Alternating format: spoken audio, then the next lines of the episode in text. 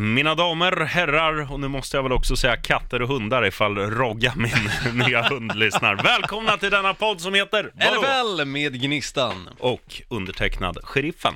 Ja, sheriffen, du har ju skaffat hund, en liten mopp, så jag måste ändå säga att det är den absolut gulligaste hunden som jag har träffat och det är i och för sig den enda valpen jag har träffat. Ja. Men jävla fin han är. Om du går in på rogga.rocky felstavat med EY och eh, punkt Jonsson på Instagram så kommer du få se bilder på eh, den absolut finaste mopsen. Roger.rocky.jonsson, där, där har du det. Yes. Vilken kille. Och Och just att du har döpt honom också till Roger Jonsson. Men jag är så dålig på namn, jag kallar ju alla för Rogga, så att då måste jag ju även kalla han det, annars glömmer jag bort vad han heter. Ja, i och för sig. Och jag gillar ju att du väljer Richie efternamn, alltså Jonsson och Mm. inte mitt då, Olsson. Men jag tycker ändå att han hade passat som en Olsson. Ja, han är lite småtrög faktiskt, men eh, Jonsson kallas han ju för sin aptit och för sin, att han inte är rumsren riktigt. Det ligger lite kablage på vardagsrumsgolv och sånt här. Just det, parkettgolvet där. Mm. Mm. Men eh, vi ska ju faktiskt inte sitta och snacka hundar, men det är jäkligt fint att göra det också. Ja, det hade- varit ett jävla, ett jävla steg under off-season. Så vi gör en hundpodd nu, eh, avsnitt 89. Ja, så, då kör vi allting vi kan om hundar och det som kommer hända till hösten då med hundarna. Mm. Ja, men det hade väl varit, ett sånt avsnitt hade väl varit så här, ja vad kan om hundar? Jo, jag kan sitt. Och sen kör vi outrot. Ungefär så. Men nu kör vi introt, för idag ska vi snacka om vad då? Jo, vi ska snacka om eh, de tre lagen som vi tycker dels har gjort det bäst under Free Agency-tiden, samt har gjort det sämst. Mm. Och också så kan jag ju teasa redan nu för att nästa vecka och veckan efter det så kommer vi fokusera 100% på det som komma skall, alltså draften. Mm. Så vi kommer verkligen gå in på djupet i draften och eh, plocka ut vilka spelare som vi tycker varje lag borde plocka. Och, Och framförallt- eh, kanske en liten motivering varför. Självklart, och eh, om man inte direkt har den här spelaren, men vi kommer förmodligen se till så att vi har alla spelare på plats, alltså i första rundan.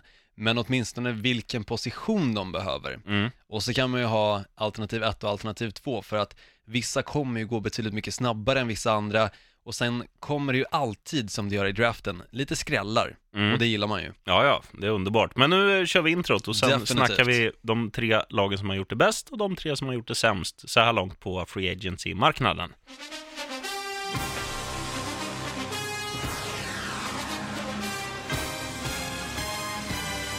You're gonna feel that vibe, I promise y'all. You're gonna feel it.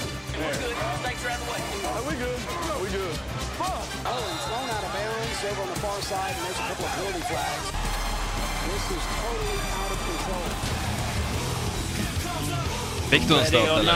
Nej, jag fick ingen stöt. Eh, Så, jag var och hämtade en snusdosa under introt här och brukar alltid få en stöt av mixerbordet, men jag klarar mig. Helt otroligt. Fan otroligt alltså. Gnistan Olsson, eh, om, vi, om vi tar det här eh, för vad det är, eh, så är det ju här, alltså det, fi- det finns ju lag som skulle kunna vara med på båda de här, eh, eller inte båda de här listorna, men det finns ju Miami Dolphins till exempel. Ja. Vi har tappat jättemycket och vi har värvat Danny Amendola. Vi skulle ju kunna vara med som en av de negativa. Definitivt, men vi har ju pratat så mycket om just Miami Dolphins och alla som lyssnar förhoppningsvis har väl koll på att vi båda tycker att Miami Dolphins har gjort det bedrövligt dåligt under den här off-season och framförallt just under free agency marknadstiden då. Mm. Med att faktiskt inte plocka upp bättre spelare utan bara skicka bort alla bra spelare istället. Ja. Nu har de ju bara Kenny Stills kvar och Devonta Parker typ. Mm. Så vi, idag ska vi snacka, det är väl ett lag vi har nämnt, eller två lag som snackas ganska frekvent om, men det går liksom inte att undvika dem. Men i övrigt så har vi försökt att ta, ta lag på de här listorna som, som vi nästan aldrig ens nämner. Ja, precis. Och eh, de två lagen jag tippar på att du menar är ju dels Cleveland Browns, Mm. men också Los Angeles Rams. Mm. Eh, såklart. Men jag kan ju börja då med att nämna det laget som vi kanske har snackat absolut mest om, framförallt de gånger som Emil har varit på besök. Emil Kuken Knutsson. Stämmer, och medan vi ändå nämner hans namn så kan jag ju säga att han gjorde en förbaskat bra match när de spelade nu i fredags mot eh, Göteborg Marvels. Superserien har ju dragit igång alltså amerikansk fotboll här i Sverige. Och han spelar i Stockholm Mean Machine. Stämmer och är alltså running back och gjorde hela 148 yards tror jag, en touchdown, så det är riktigt snyggt jobbat. Du har ökat tre sen igår när du sa 145 till mig. Ja, jag vet, men jag kommer inte ihåg om det var 148 Nej, det är, eller Det 145. är inte hela världen. Det är en, en solid match i alla fall. En solid match. Ifrån den kubformade mannen från Stockholms förorter. Vet du vad det bästa var egentligen? Jag kollade lite av matchen när jag var nere i Växjö, alltså min nya hemmaplan då. Och tjejen var ju med mig och såg lite av matchen och sa, fan, jag visste inte att Emil kunde vara så där snabb. Nej, Som att hon också har liksom uppmärksammat att han är rätt kubformad, Mm. men jävlar vad han kan springa ändå. Ja, det är ju, han är ju lite byggd som en, som en, eh, en hund. Ja, Eh, som en mops eller liksom Ja. eh, fransk bulldog om vi ska Bastant. fortsätta där på hundtemat, definitivt.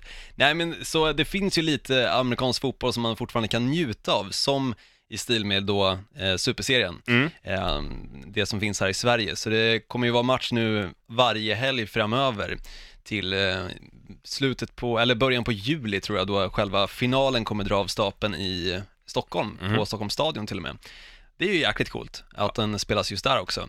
Men det ska vi inte snacka nu, utan vi ska snacka då hur Rams har lyckats under Free Agency-marknadstiden då. och vi ska säga det, det är ju en av de positiva på din lista. Du har två positiva, en negativ, jag har två negativa, med tanke på att jag är mer negativ i, Ja. i, i själen, eh, och en positiv då. Så, Ja, stämmer bra. så varsågod och kör en genomgång på Rams, Dr. Olsson. Ja, det som Rams har lyckats väldigt bra med är ju att plocka på sig ganska så rutinerade spelare. Men de har också fått något nyförvärv som är av den yngre klassen. Men för att snacka om de rutinerade då så har de ju dels fått eh, defensive linemanen, Ndanaman Ndanaman Kunsu. En Dana Kung. Ja, jag kan inte uttala det där, så Inte jag är heller, jätteglad jag att du ändå... bara. Men, men han är ju från mitt lag Dolphins. Ja. Det, det går ju att säga som de på läktaren bara. Su. Ooh, alla tror att han, man burar liksom. Men det är ju ett jäkligt bra förvärv till Absolut. Los Angeles Rams som redan nu har Aaron Donald på deras defensiva linje. Så att ha både han och Sue tillsammans kommer ju göra hela Rams försvar som förra året var jäkligt vassa ännu bättre. Mm. Läskigt bra ser det ut på pappret. Definitivt, och till en början så var det ju så också att Rams satsade ju 100% under just när liksom free agency-marknaden öppnade på att få till försvaret ännu bättre än vad det var förra året. Och som sagt, då hade de inget dåligt försvar. Så de började liksom med att få till dels Sue, som de fick i och för sig till lite senare under draften, men den bästa av alla tycker jag ändå, det är ju Marcus Peters, som alltså kommer ifrån Kansas City Chiefs, en cornerback. Mm. Samtidigt som de skickade då iväg Tremaine Johnson. Men jag tycker att Marcus Peters är ju den där spelaren som är fortfarande ung, han är hungrig. Han utvecklas fortfarande och jag ser att han kommer till Rams som en väldigt stor faktor i att det kommer bli tyngre för alla lagen som då möter Rams den här kommande säsongen att faktiskt lyckas passa bollen åt hans håll. Sen är jag ju inte lika begeistrad i att de faktiskt plockar upp Akib Talib då. I och med att jag tycker fortfarande att Akib Talibs karriär är lite på väg utför. Men det är inte alla som håller med om det, utan många ser ju fortfarande Akib Talib som en väldigt vass spelare och duktig liksom på sin position. Bland annat eh, Kuben Knutsson. Kuben Knutsson kan vi börja kalla honom. Eller Frallan Knutsson kanske till och med. Nej, men jag tycker också han, eh, visst, ja, han kanske har passerat sin peak, men det är fortfarande en spelare jag, jag tycker är bra. Ja, så kanske det är, visst, absolut. Men förutom då honom på försvaret så har de ju också plockat till sig Sam Shields, som är en tidigare cornerback ifrån Green Bay Packers, mitt favoritlag då. Mm. Och det är ju det jag menar med hela grejen, att de faktiskt har satsat nästan 110% på försvaret. Mm. Fram tills för någon vecka sedan då jag kom ju med nyheten att de faktiskt hade plockat till sig Brandon Cooks. Vilket ja. är en jättevärvning. Nu ska jag vara ärlig och säga att jag råkade säga fel förra avsnittet. Han är en av fem spelare som de senaste tre säsongerna har lyckats med över 1000 yards. Men han är ju tillsammans då med Antonio Brown, ehm, DeAndre Hopkins och liknande på den där fina listan. Och Mm. att han då kommer till Rams som en riktigt duktig wide receiver ifrån New England Patriots och tidigare ifrån New Orleans Saints gör ju hela Rams-anfallet lite vassare också för att de har inte riktigt haft den där nummer ett receivern i Rams utan de har ju gått ifrån Sammy Watkins, Cooper Cup ehm, med flera Mm. och Austin till exempel lyckades de inte alls med utan försökte någonstans or- omformatera om honom till en hybrid mellan running back och wide receiver. Trots att han är signat på ett gigantiskt kontrakt. Men jag tycker att just eh, värvningen och lyckas få till sig Brandon Cooks är riktigt fin. Mm. Även om jag vet att många hade trott att just Rams skulle satsa hårt på att få till Odell Beckham Jr istället, så tycker jag att det är fortfarande en kompetent spelare Odell Beckham Jr har inte det bästa humöret och framförallt inte den bästa attityden och är en riktig diva. Och sen har han ju jävligt höga löneanspråk också som, som ett lag som, om man tittar på Rams trupp så är det ju för mycket bra spelare för att de ska ligga, alltså de, de ligger ju upp mot lönetaket. De, de betalar multum för den truppen de har. Och ska man dessutom ha in Oldal Beckham Jr, då kanske du måste ge upp två bra försvarare eller liknande. Och det, det tror inte jag skulle göra att de blir bättre i längden. För att Rams är ju en, en typ av lagmaskin. Det är ju inte så många som sticker ut. Ja, visst finns det några Todd Gurley, eh, största exemplet på liksom att vara en superstar. Men annars är det ju en så här homogen grupp som är, eh, det är det som gör att jag tror de kommer vinna. För att de spelar för varann och, och lite så också. Ja, alla spelare kompletterar ju varandra, precis som du säger. Alltså det blir ju liksom eh, att de här spelarna som kanske inte är superstars även visar upp sig, som Cooper Cup till exempel, som jag tyckte var jättebra förra säsongen. Och även tycker jag att Sammy Watkins var liksom en bra spelare för Rams, för att när Jared Goff väl behövde en wide receiver och kanske såg att Cooper Cup var liksom täckt, Mm. så hade han fortfarande möjligheten att kunna passa till Sammy Watkins som kan fånga bollar. Men nu tycker jag att det är ju ännu vassare att ha en spelare som Brandon Cooks, och precis som du säger, lönetaket tillåter inte riktigt att man plockar in en spelare som Odell Beckham Jr. Så jag tycker Rams definitivt är ett av de lagen som har lyckats absolut bäst med ehm, sina värvningar under free agency-marknaden. Mm. Och då tycker jag att vi går vidare till vilka som är på nästa plats på den här topp tre-listan då. Ska jag köra ett av mina negativa lag nu? Eller ska vi damma av samtliga tre positiva först? Nej, vi börjar med någonting positivt tycker jag och sen eh, avslutar vi inte på topp utan i botten. Ja, ja, det går ju inte liksom att säga annat än att Cleveland Browns har gjort det bra. Jag, jag tycker ju, jag är chockad att, att det finns en viss attraktionskraft eh, från spelarna att de vill gå till Cleveland. För att Jarvis Landry, han skulle kunna gå vart han vill. Ja men så var Eller- ju inte riktigt i- fallet faktiskt, för att även fast de försökte väldigt mycket med att liksom få till det här med Jarvis Landry och allting så Alltså just få till att få bort honom från Dolphins, så var det inte jättemånga som nappade, utan det var just Cleveland Browns, så när vi ändå snackar om det, så kom det faktiskt för 26 minuter sedan, vi spelar in den här podden 17.51, ska Mm. jag säga. Han har kritat på ett femårsavtal nu, värt 75 miljoner. Ja, vilket gör honom till en väldigt, väldigt bra Eh, betald spelare. Absolut. Nej, men det jag menar är att of, oftast är det så, är du en, är du en truppspelare och, och din general manager säger så här, du har blivit tradad till Pittsburgh eller New England eller vad som helst, då har du inte så mycket att säga till om. Men de här toppspelarna har ofta i sina kontrakt att du får skriva in en viss klausul med lag du inte vill gå till. Eh, I hans fall kan jag ju inte, jag tror ju att Cleveland är ett sånt lag man, man inte vill eh, gå till eh, med tanke på att staden har ett dåligt rykte. Det sägs vara en väldigt tråkig stad. Eh, det sägs att det är bra mat och han kanske är matglad, Jarvis Landry. Men skitsamma. Och sen om man tittar liksom på hur det har sett ut de senaste åren. Nu blåser det positiva vindar. Och Jarvis Landry är väl det absolut bästa nyförvärvet, eller största nyförvärvet. Eh, men där de har gjort mer, de har ju liksom tagit in, ja, vad har de med? Carlos Hyde har de tagit, running back, det är väl Men han gjorde ändå det bra i eh, San Francisco 49ers förra säsongen och att få in honom som eh, spelare och täcka upp på den positionen där Isaiah Crowell försvann ifrån, Mm. nämligen running back-positionen, så känns ju Carlos Hyde som snäppet vassare än Crowell. Ja, ja, det är absolut inte kattskit. Sen har de tagit in eh, Demarius Randall från ditt lag, Green Bay Motherfuckers, eller vad de heter. Och sen har de ju också äntligen hittat en quarterback som jag tror kommer göra mer än en säsong eh, i Cleveland Browns. Det är ju Tyrod Taylor som kommer ifrån Buffalo Bills. De har gjort andra eh, acquisitions också, men det är väl de här fyra som är mest nämnvärda. Och sen har de ju också första picket i draften nu och det, blir, det vore ju jävligt kul om de tar den här håsade eh, running backen. Ja, som- jag tycker att de borde göra det och sen i fjärde picket plocka en, eh, en quarterback. Absolut. Faktiskt, för istället för att ge upp en så pass bra spelare som alla då liksom lägger upp att Chacon Barkley ska vara, Mm. Så tycker jag det känns som en waste att plocka en quarterback first overall bara för att göra det. Mm.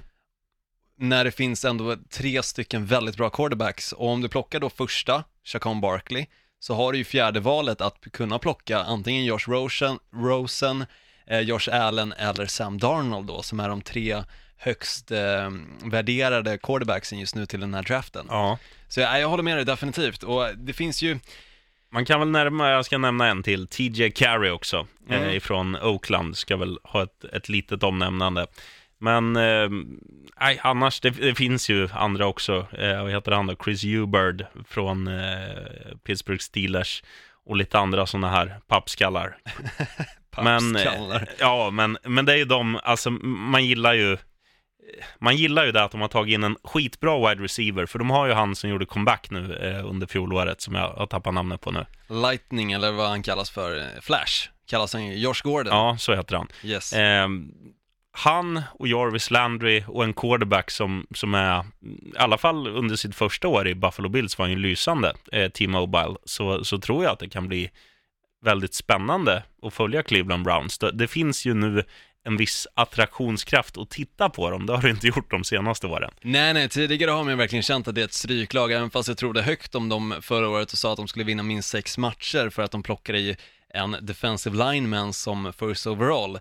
Ehm, och ändå hade plockat till sig några andra spelare så känner jag ju att för i år så känns de ju riktigt vassa. Och när de samtidigt har en väldigt bra tight end som en så har de ju en bra offensiv core samtidigt som de hela tiden försöker stärka upp på den defensiva Mm. biten. Men de behöver ju den där quarterbacken och de behöver den där running backen, men får de de två spelarna i första rundan så känner jag att Cleveland Browns kommer vara riktigt farliga i år. Mm. De kan till och med vara och nosa på slutspel, Och det är ju sjukt att säga. efter att ha gått 0-16. Precis, och jag känner väl egentligen om man ska ranka de här 1, 2, 3 på positiva listan Mm. så känner jag ju definitivt att Cleveland Browns ligger som etta. Ja. Just för att det är en så stor skillnad Ja, på absolut. laget som blir. Det är största uppgraderingen, men om man tittar på Rams är ju ändå mycket bättre än Cleveland Browns. Absolut, de har ju fått till bättre spelare, men just att Cleveland Browns har gått ifrån att vara strykgänget till att faktiskt bli en potentiell slutspels... ehm, Aspirant. aspirant, precis, så känns det ju som att de har ju verkligen gjort det största steget under free agency-marknadens Ja, ja. början. Mm.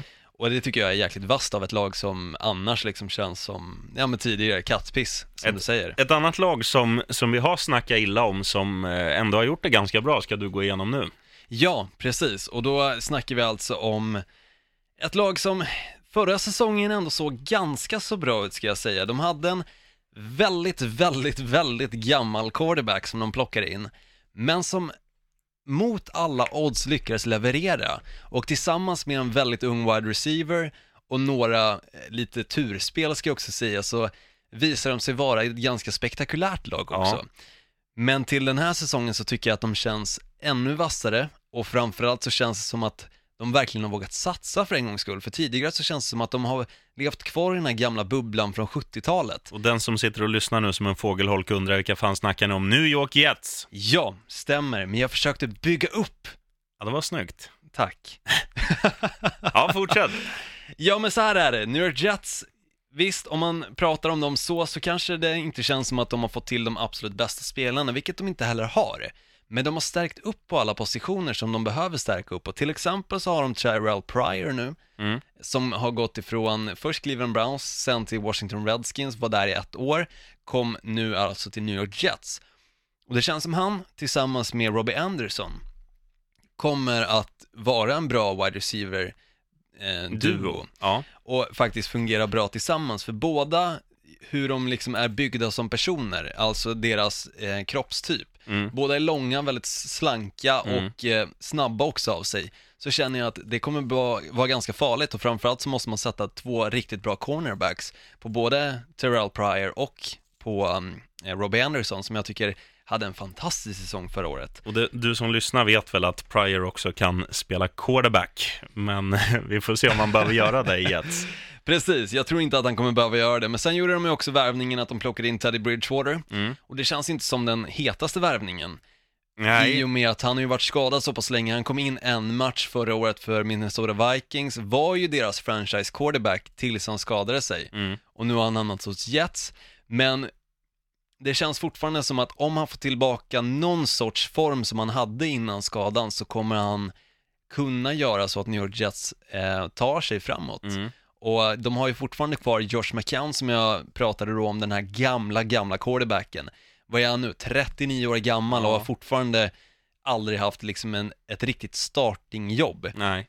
Utan han har ju varit den här konstanta backupen. Eh, Men jag känner att det känns ju som en het värvning just att få till Teddy Bridgewater och framförallt så är det bra också inför en kommande quarterback att lära sig av både Josh McCown och Teddy Bridgewater Mm. för att kunna liksom bli den här franchise quarterbacken för New York Jets. Men det största av dem alla som de har lyckats få till, eller åtminstone den bästa spelaren, är ju Tremaine Johnson. Han som då kom ifrån Los Angeles Rams, i och med att de plockade på sig Marcus Peters ifrån Kansas City Chiefs så skickar de alltså Tremaine Johnson, eller han hamnade för att han blev en free agent i New York Jets ska jag säga. Ja. Och det känns som att det kommer ju göra New York Jets försvar som jag inte tycker har varit kattpiss de senaste åren, utan Nej, nej. det har varit en av de fina bitarna i New York Jets som man har kunnat liksom ändå förlita sig på när det kommer till att satsa lite pengar på New York Jets. Mm. Att just deras försvar kan leverera och med en spelare som Tremaine Johnson som hade en jättebra säsong förra året med en Los Angeles Rams så känns det som att de har verkligen stärkt upp även där. Mm. Men mycket hänger ju på eh, quarterback, eh, alltså hur de, dels hur de väljer att, att göra där. Ehm, det känns väl som att Teddy Bridgewater kommer få chansen i alla fall, för McCown är ju, ehm, ja, han är ju trött och gammal, men ändå rätt, ändå rätt skön. Men han är ändå rätt hungrig och det gillar jag och sen har de ju också fått till Isaiah Crowell då. Ja, Han som har kommit ifrån Cleveland Browns numera, alltså i New York Jets. Men det absolut största egentligen av allting med New York Jets har du förmodligen koll på. Det är ju den där traden som de gjorde med Indianapolis Colts för att få till just ett högre pick i första rundan. nu minns jag inte hur många picks de skickade, men jag tror det var sex. Jag tror det var någonstans där och det visar ju bara på hur mycket de vill satsa på framtiden och hur villiga de är att hitta den här franchise quarterbacken som de ska kunna förlita sig på, precis som New England Patriots gjort så länge med Tom Brady, Mm. så vill de hitta den till New York Jets också. Och det, jag gillar det verkligen, att Ja, de, det är att de Men- har visat lite balls där och gjorde den traden med Indianapolis Colts för att då alltså få fjärde, rund, eller fjärde valet i första rundan. Och det, det lutar ju som du säger åt att de ska gå efter en, en liksom franchise quarterback, så att det kanske blir Eh, nu vet inte jag hur länge Teddy Bridgewater har kontrakt, om det är bara ett år eller Jag tror det är bara var ett år för att han, eh, i och med att han är så osäker för att han inte har spelat så mycket, han har varit skadad liksom, så känner de ju själva att vi måste ju hitta den här quarterbacken som vi kan förlita oss på. Mm. Vi kan inte ha en 39-årig gam, eh, gammal quarterback och en snubbe som vi inte har en aning om hur bra han faktiskt är längre. Mm. Utan då måste vi satsa och det är ju det de verkligen visar med den här traden som de gjorde med Indianapolis Colts. Ja. Och det gillar jag som fan och det är därför de hamnar med på alltså tredjeplatsen på en av de mest positiva lagen som har lyckats under eh, free, free agency-marknaden då. Mm. Ja, men där gillar man när, när, när de är offensiva också med liksom hur, hur de sköter sig i styrelserummet. Ja, definitivt. Och sen är det ju faktiskt så också att om man kollar på alla de här mockdraftsen som finns, det kommer ju några hela tiden, varenda dag så kommer det en ny. Men den ständiga biten, eller det, det laget som ständigt har ett och samma val, alltså en quarterback, Mm. det är ju just New York Jets. De andra till exempel, Cleveland Browns, står det ju antingen mellan att de kan välja en running back som första, en eh, quarterback, de kan välja en defensive lineman som fjärde och alla liksom av de topp 10-lagen ändrar hela tiden beroende på om man kollar vilken mockdraft man kollar på. Hundallergiker vet du. Ja, jobbigt att ha skaffat hund Ja. då. Men just New York Jets val har alltid lutat åt att de kommer plocka en quarterback Mm. och det är ju det de gjorde den här traden för. Och det förstår man ju också om man tittar på vad de har. Alltså, eh, McCown är 100 år gammal och Teddy Bridgewater är... Alltså, visst, det är ett namn som förknippas med talang och kanske lite framtidshopp, men det man har sett på planen, alltså jag har ju aldrig varit övertygad av honom. Nej, inte jag heller. Jag har aldrig tyckt att han har varit den här franchise quarterbacken. och aldrig förstått varför han har blivit så hypad som han har blivit. Nej. Eh, så jag ser ju inte det som en spelare som kommer lyfta New York Jets. Han kommer kanske hjälpa framtida franchise quarterbacken i New York Jets snarare än att faktiskt bli en starter. Mm, absolut. Ska vi, ta, ska vi gå in på det negativa nu? Ja, jag skulle faktiskt vilja ha en ljudeffekt nu på någonting som är i lite negativ klang. Så att du verkligen känner ångesten över att oj, det här laget håller jag på. Varför är de så dåliga på att Kanske vi- locka till sig spelare? Kanske vi skulle spela något med Carola, men det har vi inte rättigheter till.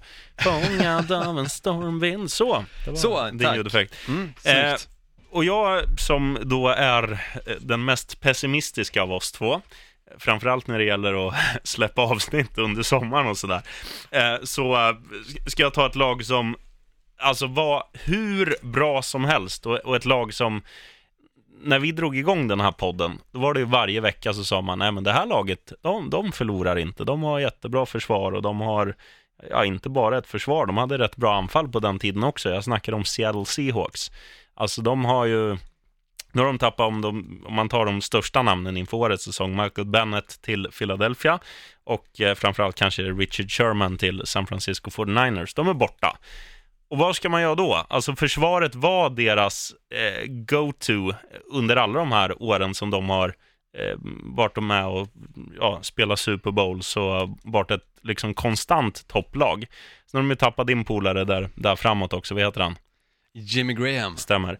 Eh, och så här, vad, eh, ja, vad plockar man in istället? Det är liksom inga stor, det är inga giganter om man tar in. Visst, alla är inte cutpiss. Tom Johnson, defensive tackle, eh, kommer in eh, ifrån, eh, vad heter det, Minnesota Vikings.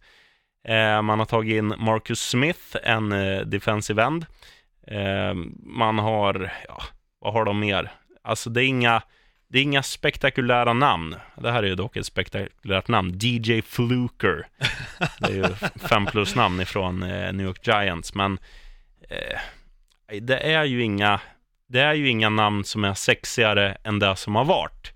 Eh, tittar man på wide receiver, eh, de som ska göra något offensivt, Jaron Brown här ifrån Arizona Cardinals, inte heller någon liksom kanonspelare. Och det känns som att alltså, det skulle behövas skakas om så att det här är ju ett lag som skulle behöva, nu när vi har snackat om Odell Beckham Jr tidigare, tidigare det här är ju ett lag som skulle behöva göra någon sån typ av acquisition för att stärka kanske tron i stan också. Ja, definitivt. Och jag känner också just att det finns ju alltid ett lag som blir sämre. Det finns alltid ett lag som ska vara det sämsta av dem alla. Mm. Och det känns som att Seattle Seahawks har börjat liksom arbeta sig in i den rollen. Mm. Dels så såg de ju inte jättevassa ut förra säsongen och alla sa att the Legion of Boom is dead. Mm. It's gone. Och det har ju verkligen visat sig vara sant nu. Och det känns ju som att alla liksom så bilder, olika memes som man har sett på Instagram då om Seattle Seahawks har ju varit skämt om att Russell Wilson kommer till omklädningsrummet rummet och det är helt tomt. Ja. Det finns ingen spelare kvar. Nej. Det är bara han. Det är lite så det känns. Eh, En annan man kan nämna bara som, är, som inte heller är kattpiss, det är ju, eh, ja, förnamnet är omöjligt att säga, Barcavius Mingo, en linebacker. Eh, bra namn och helt okej spelare. Var- Absolut, Var väl helt okej. senast i eh, Indianapolis Colts. Ja, det tror jag att han var. Eh, Jag kommer inte exakt ihåg vart han spelar, men jag vet definitivt en bra spelare som är nämnvärd, men det känns fortfarande som att det finns inte så mycket ljusglimtar i Seattle Seahawks längre och de har ju tappat dessutom Paul Richardson som är en speed receiver, Mm. precis som Tyreek Hill då om man ska jämföra med någon som är väldigt allmänkänd, Kansas City Chiefs wide receiver då. Mm. Och, de, och då känns det ju som att, att tappa honom till Washington Redskins och tappa spelare liksom till Philadelphia Eagles och allting, de tappar ju till helt fel konferens också dessutom. Mm. Inte bara tappar de ju spelarna liksom till andra lag, utan de tappar ju dessutom till NFC-lag. Ja. Vilka är det de kommer möta under säsongen? Jo, NFC-lag, Mm. mestadels. Vilka är det de måste slå för att ta sig till slutspel? NFC-lag. ja, bra poäng som Hur jag fan ska de lyckas med det? tänkt på. Det där, det där är ju en grej man ofta gör i, eh, i min primära sport, eh, NHL, alltså hockey, att man undviker att trada storstjärnor innan, inom den egna konferensen. Men eh, bra poäng Olsson. Mm, och, det Och- känns eh, definitivt som att eh, Seattle Seahawks har gjort, eh, gjort nedköp efter nedköp efter nedköp i klass med Miami Dolphins faktiskt. Ja, håller med dig. Eh, vad har du då på din negativa lista? Ja, då ska vi gå in alltså på ett lag som vi har nämnt lite grann nu faktiskt. Mhm. Och eh, det är ju tyvärr ett lag som jag tror många ändå kan förstå hamna på den här listan. Ehm, och nu måste jag bara faktiskt vara lite seg i skallen av mig och söka upp den informationen som jag har dragit fram om det här laget. Men jag kan säga att problemet de har haft de senaste åren är att deras quarterback har ju konstant varit skadad. Och jag snackar ju inte om just eh, Minnesota Vikings. Minnesota Vikings eller för den delen um, Miami Dolphins. Mm. Utan jag snackar om ett annat lag som det har varit ändå ganska stor hype kring när de hade en viss quarterback och stor hype också när de visade sig ha en väldigt eller duktig quarterback. Jag snackar Andrew Luck och Indianapolis Colts. Mm. Som jag alltså tycker har gjort en riktigt, riktigt dålig free agency-tid. För det känns inte som att de har gjort någonting alls. Ja, det är väl Eric Ebron som man kan nämna eh, från eh, Detroit Lions. Annars är det jävligt pissblött där. Ja, precis. Och deras lilla lista då är ju så, det är ju knappt att man liksom kan lyfta några namn och du som lyssnar känner att, ah, just det, den där spelaren har ju fan stor koll på. Det finns inte riktigt. Nej, Utan det är ju verkligen liksom spelare de har tappat bara och spelare som de har fått till sig är ju inte riktigt nämnvärda. Jag tycker definitivt att det laget som har lyckats absolut sämst och ser ut som årets Cleveland Browns är Indianapolis Colts. Visst, Ja. de har Jacoby Brissett kvar som quarterback, de har en Andrew Luck kvar som quarterback, men han är ju alltid skadad. mm. Men vad har de mer? Nej, det är inte mycket. De har T.Y. Hilton. Ja, han är duktig. Han är duktig, men han är ju fel lag. Jaha, det är han. Och han är ju framförallt i, vad ska man säga, det är ju, det som är kruxet där, det är att han är ju den enda som är bra offensivt i Indianapolis Colts. Vad gör motståndarlaget? De sätter sin bästa safety och sen sätter de någon som kanske hjälper honom lite grann och, och sen blir det pannkaka för att även om det är öppet för, för de andra spelarna, när de är pappskallar liksom, det, det kommer inte bli några pinnar på, på tavlan. Nej, då fick vi se. Alltså, jag, jag kommer aldrig glömma hur inledningen såg ut för Indianapolis Colts, deras första match. De åkte till Los Angeles, solen lyste, det var varmt, det var en härlig dag för att spela amerikansk fotboll. De slänger in sin backup quarterback, alltså inte Jacoby Brissett, utan en snubbe som jag inte ens kommer ihåg namnet på, som ska kasta de första bollarna. Han har förtroendet från sina coacher, han har förtroendet från hela laget att vi ska komma hit och besegra Rams på bortaplan. Mm. Det första han gör är slänga en interception. Ja, Och det blir en pick six. ja.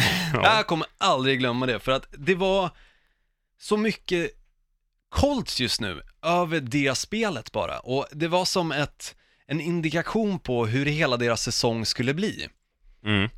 Och det var ju även så deras säsong slutade. Nu är det ju så att de eh, kommer väl plocka, de hade ju plockat då fjärde overall då, Eh, men i och med att de gjorde traden med Jets istället så tror jag att de plockar nionde eller tolfte eller liknande.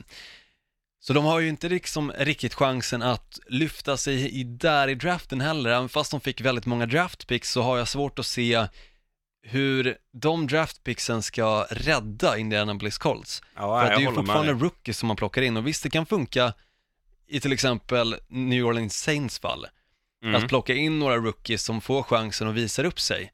Men det funkar ju väldigt sällan. Mm. Och en nämnvärd spelare som jag bara hatar av en annan anledning, han, han gjorde så att Green Bay Packers torskade en match mot Seattle Seahawks, jag tror det var NFC Championship Game.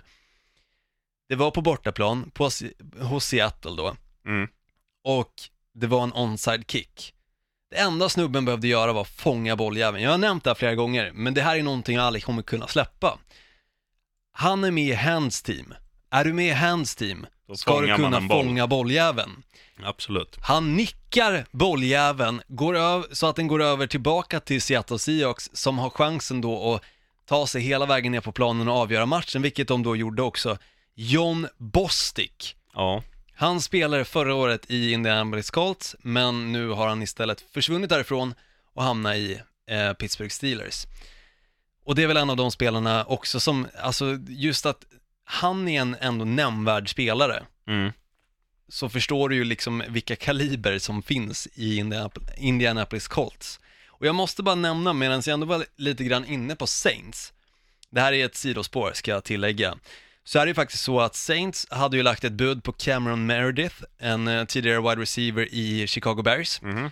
Chicago Bears som har satsat väldigt hårt på att få till deras offensiv för att underlätta för Mitchell Trubisky, deras eh, rookie quarterback från förra året då.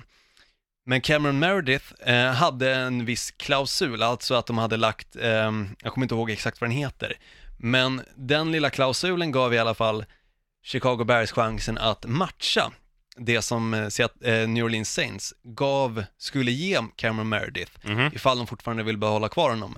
Det gjorde de inte, så han är alltså numera en Saints-spelare. Det var bara ett litet sidospår. Right. Så att eh, folk som lyssnar inte tror att jag har glömt bort det. Mm. Så, sheriffen. Var du klar med din rant där? Ja, och jag känner ändå att det var en bra rant. Ja, det, ja, absolut. Det, alltså, Jag är helt med dig på den. Jag, jag, tycker det var, jag tyckte det var en fin jämförelse. Det är det nya Cleveland Browns. ja, den här säsongen satsar alltid emot Indianapolis Colts. Förutom när de kanske möter Dolphins. Förutom när de kanske möter Dolphins, absolut. Men utöver det så känns det som att du har ju det nya, alltså det nya laget som, när ditt lag ska ställa sig emot, liksom i vecka åtta, och du liksom ser att, fan de har förlorat de tre senaste matcherna, vi möter Colts i nästa match, Mm. vinst. Så, tack. trenden. Yes. Ja, jag ska ju ranta på, det, det här är ju inte ett, ett lag som är egentligen dåligt, utan det här är ett lag som har stått still och jag tycker att det är mycket märkligt att det är så. Om vi tar, jag säger det direkt vilka det är, det är Tennessee Titans. Och varför tycker jag då att det är märkligt? Jo, av två anledningar. För två, tre år sedan så började Tennessee spela en väldigt, väldigt rolig eh, fotboll att titta på. Det var massa spektakulära spel, det påminner lite om college, det var såna här grejer som, som man inte testar i NFL, men de, de vågade. Och det kändes som att de fick lite spelare som, eh, ja, men som, som känns liksom bra och, och så. Och sen tittar man nu, eh, de släpper DeMarco Murray, som var, eller har varit en av deras bästa spelare de två senaste åren, running back för dig som inte har koll på det. Vad plockar de in istället? Dion Lewis ifrån New England Patriots. Men han är ingen dålig running back. Nej, det är han inte, men jag tycker att det är ett nedköp. Jo, men samtidigt, jag måste ändå skydda Titans på just den positionen. Sen kommer jag inte skydda dem speciellt mycket mer, för jag håller med dig i övrigt. Men just running back-positionen, att de har Derrick Henry, som visade sig vara en väldigt duktig running back förra året. Mm. Och visst, man blir av med DeMarco Murray, men jag tycker ändå att Henry var snäppet vassare och framförallt visade mer. Ja, Så tycker absolut. jag att plocka in en spelare som hade ett jättebra år med New England Patriots, alltså Dion Lewis, och ha de två, känns lite som att ha ungefär som i Saints. Det är inte det kanske den här smidiga, spektakulära spelaren Alvin Kamara, Nej. men man har den långa, muskulösa spelaren i Derrick Henry och man har korta köttbullen i Dion Lewis. Mm. Lite stil med Emil Knutsson liksom. Ja. Nej, men det är klart man behöver olika alternativ. Det, men, Ja. men tar man bara mano a mano Mm. så, så tycker jag ju att DeMarco Murray är en bättre running back. Sen har de tagit in, eh, också från eh, New England Patriots, det känns som att det är många där i Boston som vill testa hur countryn är i Nashville istället. De har tagit in eh, Malcolm Butler, som är eh, en eh, ja, helt okej spelare. Varken, alltså, varken bu eller bä. Det är ingen som, som gör att, eh, att laget kommer att spela Super Bowl. Eh, vad har man mer som man ska nämna? De har resignat Josh Klein, en, en O-line som, som är en av de bättre i det där laget. Eh, de har resignat DeQuan Jones som en defensive end, också liksom helt okej. Eh, men sen kommer det till, ja, sen har de tagit en från Tampa också, eh, Kevin pa Bluh, svårt att säga, O-line, som är också liksom, ja men, mellanmjölk. Alltså okej, men inte mer. Det är ingen som gör dem mycket bättre. Och sen har de tagit, ja, Blaine Gabbert, en av de sämsta quarterbacksen som har spelat i NFL tycker jag. Tillsammans med typ Brock Osweiler då. Ja. Mm. Han har man plockat in. Nu har ju de Marcus Mariota, men de har haft eh, quarterbacks tidigare som har gått sönder. Han, han är ju inte ens kvar, han som, vad heter han? Heter han Chad Henney? Nej, han spelar inte där kanske. Nej, men jag, jag, vet att, jag vet vad du menar liksom. De har ju haft... eh, Nummer 10 hade han. Ja, eh, jag kommer inte ihåg om det var typ Matt Castle eller någon. Nej, inte- jag googlar. Googla det så länge, men... Underhåll fansen. Ja, men jag kan ju säga så här mycket att jag håller ju verkligen med dig, sheriffen, att det känns som att Tennessee Titans någonstans har stagnerat i deras försök att ta sig framåt. Alltså, de har satsat mycket på spelare som kommer ifrån till exempel New England Patriots för att de vet att det är rutinerade spelare, de har spelat deras Super Bowl och de har tagit sig jäkligt långt under säsongen, liksom rent generellt och varit duktiga. Jake Men- Locker. Ja, men bara för att man plockar in spelare som har varit duktiga i ett lag, behöver inte det betyda att de blir duktiga automatiskt för att de byter lag liksom och hamnar i Tennessee Titans. Malcolm Butler behöver inte vara lika bra som han har varit i New England Patriots för att där kanske han har haft någon annan spelare att förlita sig lite mer på, på cornerback-positionen. Nu har de i och för sig eh, Adoree Jackson som är en riktigt duktig cornerback som dels vi fick se spelare running back, lite wide receiver tror jag dessutom, en väldigt overall duktig spelare. Men fortfarande så håller jag med om att det känns inte som de gör riktigt det som krävs för att kanske kunna ta sig det där extra steget som de alltså misslyckades med förra året. De kom till slutspel och de hade chansen att kunna ta sig längre. Men just för att laget inte på papper, eller för den delen på planen, var tillräckligt bra, så hade de ingen chans alls i världen att lyckas slå New England Patriots. Nej, Kanske därför de väljer att plocka spelare från New England Patriots också, för att det är spelare som precis spöar skiten ur dem. ja. Och eh, sen är det väl också så, som jag nämnde för några avsnitt, från, äh, nämnde för några avsnitt sen, att när man tar spelare också från de här liksom mästarlagen så, så får du in kanske en anna, ett annat tänk och lite sånt i, i omklädningsrummet, att de kan vara bra mentorer för yngre spelare och så. Men jag tycker bara att det har stagnerat lite, alltså från att se väldigt lovande ut för ett par år sedan till att vara ja men nu säger jag det igen, mellanmjölk. Alltså det, det kommer bli 7-9 kanske, eller 8-8 om de, om de gör en, en bra säsong. Och det är för dåligt när du står och trampar på, alltså de har varit i slutspel och de har varit nära slutspel och det har känts som att positiva vindar har blåst i countryns mecka, men det känns som att eh, det har blivit lite pyspunka där. Ja, det känns inte så riktigt som att de satsar på samma sätt som de gjorde där under den där tiden när de testade de här nya spelen, de försökte vara lite innovativa och göra NFL lite roligare att kolla på. Mm. Utan att plocka in spelare från ett lag som är ungefär som Barcelona, alltså då snackar jag New England Patriots, Mm. Gör ju inte ditt lag mycket roligare att se och samtidigt så gör det kanske inte heller att motståndarlagen blir speciellt chockade över spelen du väl spelar för att du kommer spela spel ut efter hur dina, hur din trupp ser ut. Mm. Och om truppen ser ut som New England Patriots, ja då kommer du förmodligen försöka spela som New England Patriots och inte som Tennessee Titans gjorde för något år sedan. Nej, givetvis är det så. Eh, en annan grej som jag bara tycker är väldigt konstigt, det är den här, alltså jag nämnde det tidigare, att, att Cleveland inte borde ha någon attraktionskraft. Alltså spela i Tennessee Titans, det måste vara tvärtom.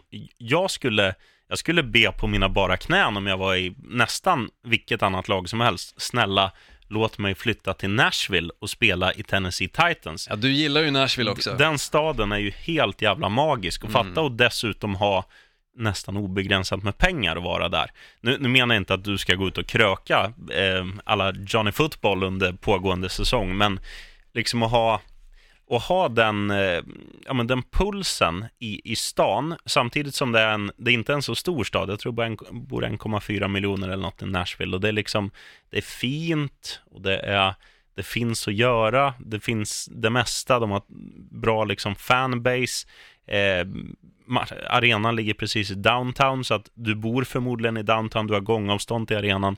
Det är mycket fördelar att spela i Tennessee Titans kontra att spela i Cleveland Browns, Pittsburgh Steelers, eh, Buffalo Bills för att nämna tre eh, jävla sunkstäder. Ja, men på riktigt. Eh, och, och det tycker jag är så konstigt för att spelarna är ju, alltså det är bara att titta på de här, de spelarna i andra sporter. Ta Zlatan Ibrahimovic som det senaste exemplet. Var skulle du vilja bo som 38-åring eller hur gammal han är? Vill du bo i ett regnigt Manchester eller ett soligt Los Angeles? Det är klart man väljer Los Angeles. Ja, ja och det är klart man definitivt. väljer Nashville då. Men eh, alltså att de inte lockar till sig större namn på free agent-marknaden, det är för mig en gåta. Sen vet man inte ens om de har gett kontraktserbjudanden till några eller kontaktat några, men det är också ett, ett, ett stort underbetyg till Tennessee Titans lagledning, att du inte går efter något stort namn. Ja, Absolut, så är det ju, men just dragningskraften ska jag förklara lite grann vad jag tror att det handlar om just Cleveland Browns i år.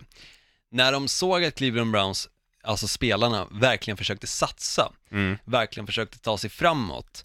Och det finns ju alltid den här liksom känslan av att man älskar en underdog. Mm. Och det tror jag att alla gör, någonstans. Ja, ja, ja. Alltså, hejar inte jag på laget som är i en final eller liknande så går jag på underdogen. Ja, Då så hejar jag är på det den. ju. Det är nog gemene mans eh, mindset till. Precis, och jag tror att i och med att spelarna såg att Cleveland verkligen det här året skulle satsa, de ska bli bä- bättre och de ska ta sig framåt och kanske till och med ta sig till slutspel, så tror jag att många kände att jag vill vara med på den resan.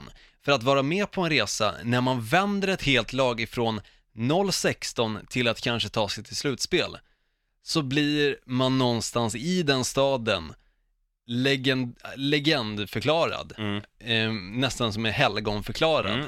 Just att man lyckades vända hela trenden, den negativa trenden som har funnits så många år. Och jag tror att om det är något år man verkligen ska hamna i Cleveland Browns, om man vill hamna i Cleveland Browns också, så är det i år. Ja, alltså jag är med dig till 100% på, på det här resonemanget.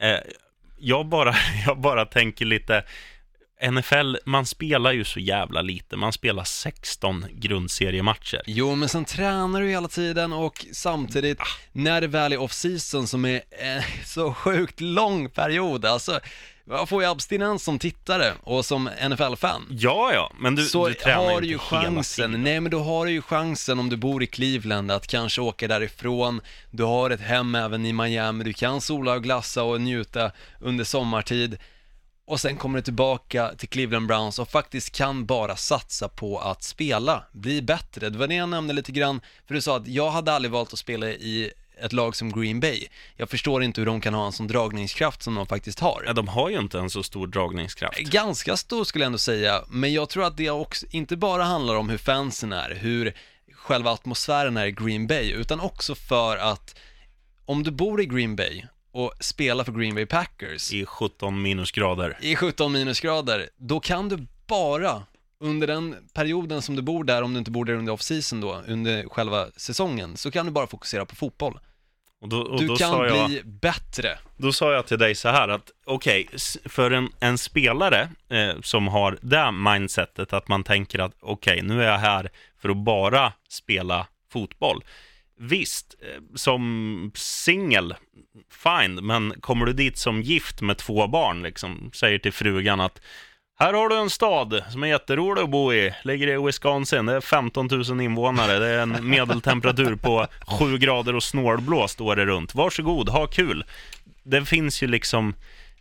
Nu kanske... du, Det är klart att det kryddas. Det, Ja. det är kryddat. Men du förstår, eh, en fru till någon spelare eh, som inte vill jobba och som säkert inte får jobba för sin man som säger nej, du ska ta hand om våra eh, två barn här och kanske rasta vår lilla franska foxterrier eller något. Då är det roligare att glassa runt i New York, det är roligare i Los Angeles, det är roligare i Miami än att sitta i USAs svar på Strängnäs. Ja, absolut. Jag förstår om du lägger upp det så.